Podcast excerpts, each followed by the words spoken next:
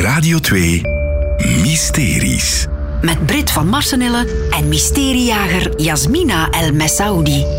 Dag Jasmina. Hey, dag Brit. Welk mysterie heb jij opgelost? Wel, uh, ik heb het mysterie opgelost, uh, Brit, van uh, krachtplaatsen. Wat krachtplaatsen? Is... Ja, dat is een beetje een vaag woord en ja? misschien ook wat zweverig. Maar je hebt waarschijnlijk wel ooit al verhalen gehoord van mensen die naar een Lourdesgrot zijn geweest, die daar van het heilige water hebben gedronken of zo. Of ja, ja, wat, absoluut. wat gewijd water op zich hebben gekregen, plots geen hoofdpijn niet meer hebben, die plots uit hun rolstoel opstaan. Dus dat zouden krachtplaatsen kunnen zijn. Ah, ja, oké. Okay. Voilà. En ik vroeg me af, zijn er zo krachtplaatsen in, uh, in Vlaams-Brabant en Brussel? Nu, ik had daar uh, wat naar opgezocht en ik had toen een artikel gevonden over het feit dat kerken vaak op aardstralen staan. Oh, is dat zo? Ja, dus uh, heel veel kerken, als je die dus in kaart brengt uh, in Vlaams-Brabant en ook daarbuiten, die staan op een krachtplaats. En een krachtplaats, dat is eigenlijk een kruising van aardstralen. Ja, ja het klinkt een beetje allemaal ingewikkeld, maar het gaat je zo meteen zeker duidelijk worden. Oké. Okay. Want die aardstralen, die zou je dus kunnen vinden met een wichelroedeloper. Mm -hmm. Oké. Okay. Voilà. En ik weet niet of je weet wat een wichelroede is en ja, een zo wat ik denk dat het is. Hè. Zo ja. zijn die twee stokjes ja. zo in een boog en die bewegen als er iets zou zijn van magische krachten of zo. Dat klopt helemaal. Dat heb ik dus ook gedaan. Ik heb zelf niet met zo'n wichelroede gelopen, maar ik heb wel afgesproken met Filip van den Driessen. Dat is een wichelroede loper. Mhm. Mm -hmm. uh, wij hebben afgesproken aan de kerk van Hekelgem in Aflichem, omdat hij op zo'n krachtplaats zou staan. Ja, Filip uh, die heeft zijn wichelroede erbij gehaald. Zoals je zegt, inderdaad, dat is eigenlijk zo een eivormige stok die je aan de uiteinden vasthoudt. Die is beginnen te wandelen rond de kerk. En vanaf dat die wichelroede naar boven sloeg, ja. dan zou daar iets van energetisch veld gelokaliseerd worden. Oké. Okay. Ja. Dat is gebeurd op twee plaatsen. Ah? Waardoor je dus eigenlijk een soort van... Uh, ja, een breedte kreeg van 1,20 meter waar een aardstraal zou lopen.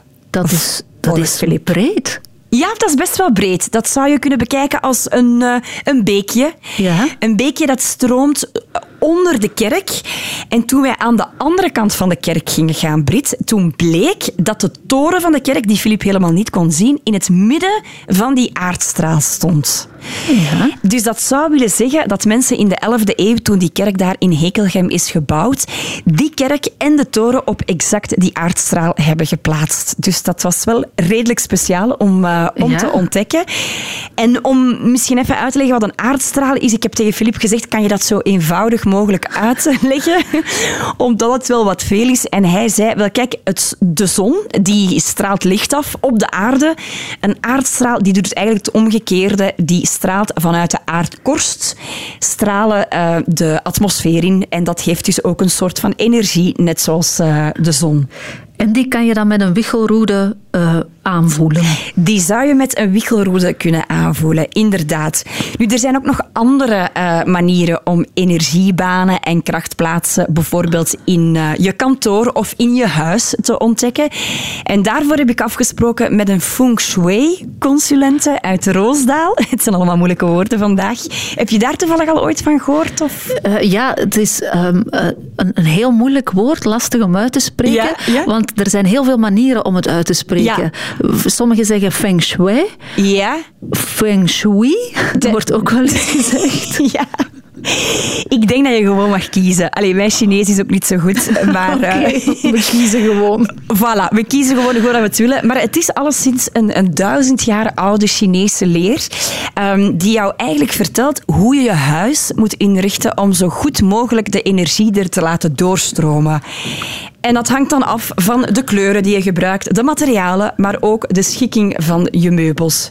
Op die manier krijg je dus goede energie en slechte energie in je Ja. huis. En daar zijn bijvoorbeeld uh, een aantal voorbeelden van. Uh, de kleur geel is heel erg belangrijk in de feng shui, omdat dat een stabiele kleur is. Dus daar word je rustig van rationeel, nuchter. Um, iets anders dat Linda mij heeft verteld is dat je in de keuken nooit een tafel mag zetten. Ah. Want dat brengt ongeluk volgens de feng shui.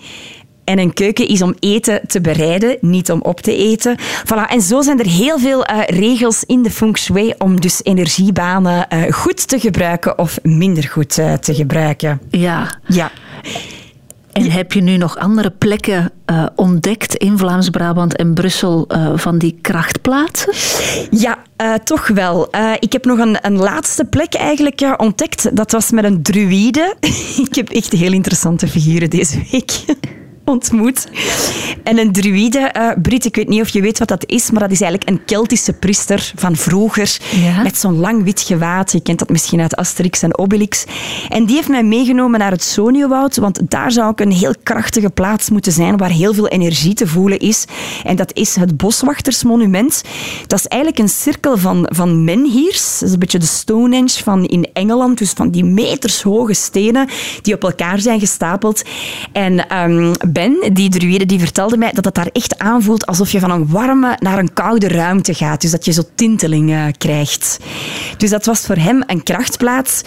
Nu, ik heb heel veel verschillende mensen uh, kunnen spreken, maar natuurlijk moest ik op het einde toch ook wel een wetenschapper aan het woord laten Ja. om, om te weten wat die er allemaal van vond. Omdat het natuurlijk een beetje... Ja, het ligt zo wat in de meer zweverige sfeer. eh, niet altijd even goed te bewijzen. En eh, daarom heb ik eh, gebeld naar Koen van Noten. Dat is een, een seismoloog eh, van de Koninklijke Sterrenwacht van België. En een seismoloog die meet eigenlijk de aardbevingen. Dus die is ook echt wel bezig met trillingen en met eh, energieën. En die wist mij te vertellen van dat hij zeker gelooft in energetische plaatsen, maar voor hem moet dat wetenschappelijk bewezen kunnen worden, natuurlijk.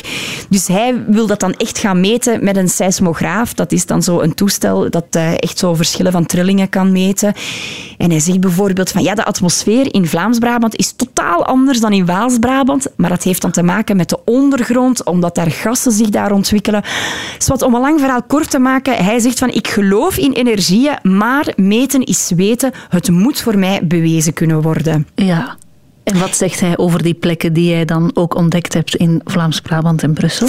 Ja, hij zei van, goh, zo de wichelroedeloper, ik vind dat heel interessant, maar ik heb altijd de neiging, ik moet daar een bewijs van hebben.